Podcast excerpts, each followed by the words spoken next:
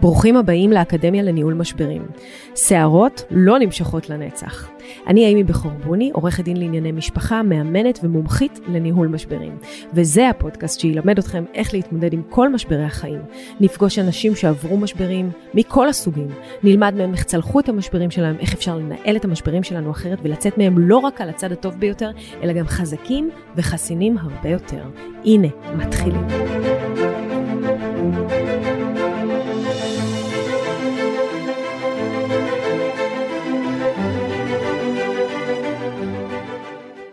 סיפורי משפחות בשבע דקות. אז אמ, זה סיפור הזוי, באמת, סיפור שקשה לתאר שבאמת אה, התרחש במציאות. אמ, הוא הגיע אליי למשרד, ובאמת אה, גבר מפואר, אה, איש הייטק, בחור משכמו ומעלה, אינטליגנט, למד בטכניון, משפחה טובה, מרכז הארץ, הורים נשואים, שני אחים. נשוי לאישה כבר 15 אה, שנה, אה, מאוד אוהב אותה. יש להם ילדים קטנים. ולפני שלוש שנים היה לו איזשהו משבר גיל. הוא הגיע לגיל 40, פתאום הרגיש ככה במרוץ העכברים, אתם יודעים, בבוקר עבודה, שגרה, ילדים, חוזרים, כל הסטרס, אה, פרנסה, אה, ומשהו בו, משהו בו נשבר. איך הוא, הוא אמר, הרגשתי שהמוח שלי יוצא נגדי. ואני נכנסת למשבר. והוא בן אדם סופר אחראי, היא אמרה לו, אתה במשבר, אתה בדיכאון, אתה לא אתה, אתה לא רוצה לשכב איתי, אתה לא רוצה אינטימיות, אתה לא רוצה לנסוע, אתה לא רוצה להיות עם הילדים. הוא באמת הסכים, הוא, הוא אמר, היא צדקה, והחלטתי ללכת לטיפול. והוא הלך לטיפול, והפסיכולוג המליץ לו אה, לקחת אה, טיפול תרופתי, הוא אמר לו תקשיב אני לא פסיכיאטר אבל נראה שאתה קצת בדיכאון אה, יותר אה, מז'ורי ממה שזה נראה ולפעמים צריך בחיים לקבל קצת קביים כדי לעבור אה, משברים, זה לא לכל החיים. בוא תיקח קצת אה, ציפרלקס, אולי לוסטרל, אני אפנה אותך לפסיכיאטר שיתאם לך תרופות. הוא מאוד מאוד אה, נלחץ ונחרד מהאופציה הזאת, הוא ממש לא בן אדם כזה, הוא סופר טבעוני וטבעי ולא תרופות ולא חיסונים והמחשבה שהוא ייקח אה, אה, טיפול תרופתי גמרה אותו.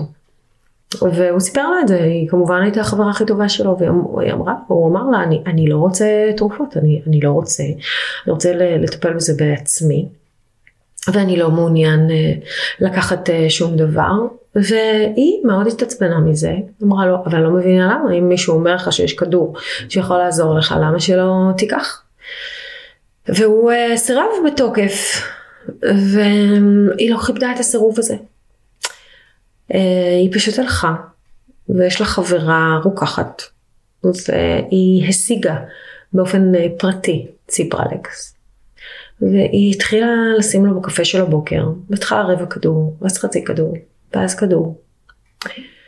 אמ, וככה במשך אה, שלושה שבועות, כי היא יודעת שציפרלקס, אה, כל התרופות מהסוג הזה של SSRI, הן אה, משפיעות רק אחרי איזה חודש, והיא כבר התחילה לנסות לראות שיפור, והם היא באמת הרגישה שהוא קצת אה, טיפה משתפר, היא אמרה לו, נכון, אתה, אתה קצת מרגיש יותר טוב אחרי חודש, חודש וחצי, נראה לי שאתה קצת יותר טוב, הוא אמר לה, כן, אני באמת אה, מרגיש טיפה יותר טוב, אבל אני חושב שהטיפול עובד, הפסיכולוג, הוא גם התחיל לעשות ספורט, והוא באמת ניסה בכל דרך אפשרית לעשות את זה, אבל עדיין הוא לא, הוא לא רוצה לעשות איתה סקס, גם כנראה שאחת מתופעות הלוואי כלפיו השפיעה שזהו, עשה לו הפחתה בחשק המיני, זה יכול לקרות עם התרופות האלה. אז uh, היא ביקשה ממנו uh, לקחת uh, ויאגרה, והוא כמובן לא הסכים, הוא אמר לה פתאום, אני לא לוקח שום ויאגרה, אני לא לוקח תרופות, בקושי אקמול, בואי שנייה תני לי לעבור את המשבר הזה, אני בטוח שזה פסיכולוגי, אין לי אף אחת, אני לא בוגד בך, אני לא שום דבר. אבל הקטע הזה עם לשים לו ציפרלקס בקפה שכל כך עבד לה יפה, הביא אותה למקום טיפה יותר קיצוני, והיא שמה לו ויאגרה בתה של הערב.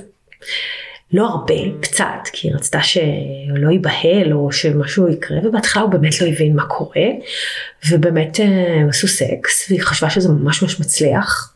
אז אחרי כמה ימים היא... אז אחרי כמה ימים היא שמה לו שוב. בבוקר ציפרקס, ובערב קצת ויאגרה. אבל התגובה הפיזיולוגית של הוויאגרה הייתה עוצמתית הפעם, והוא הבין שזה לא אירוע טבעי. אה, מי שלקח אה, פעם ויאגרה, הוא מכיר את התופעה הזאת, שוויאגרה יכולה לעשות אה, זקפה מאוד ארוכה, וזה לא היה לו ברור מה קורה, ואז זה פתאום היכה בו. ואז הוא קם, והוא הלך למגירות אה, חדר שינה שלה, והוא התחיל להפוך את כל המגירות, והפך והפך והפך, ואמר לה, איפה זה? את שמת לי ויאגרה?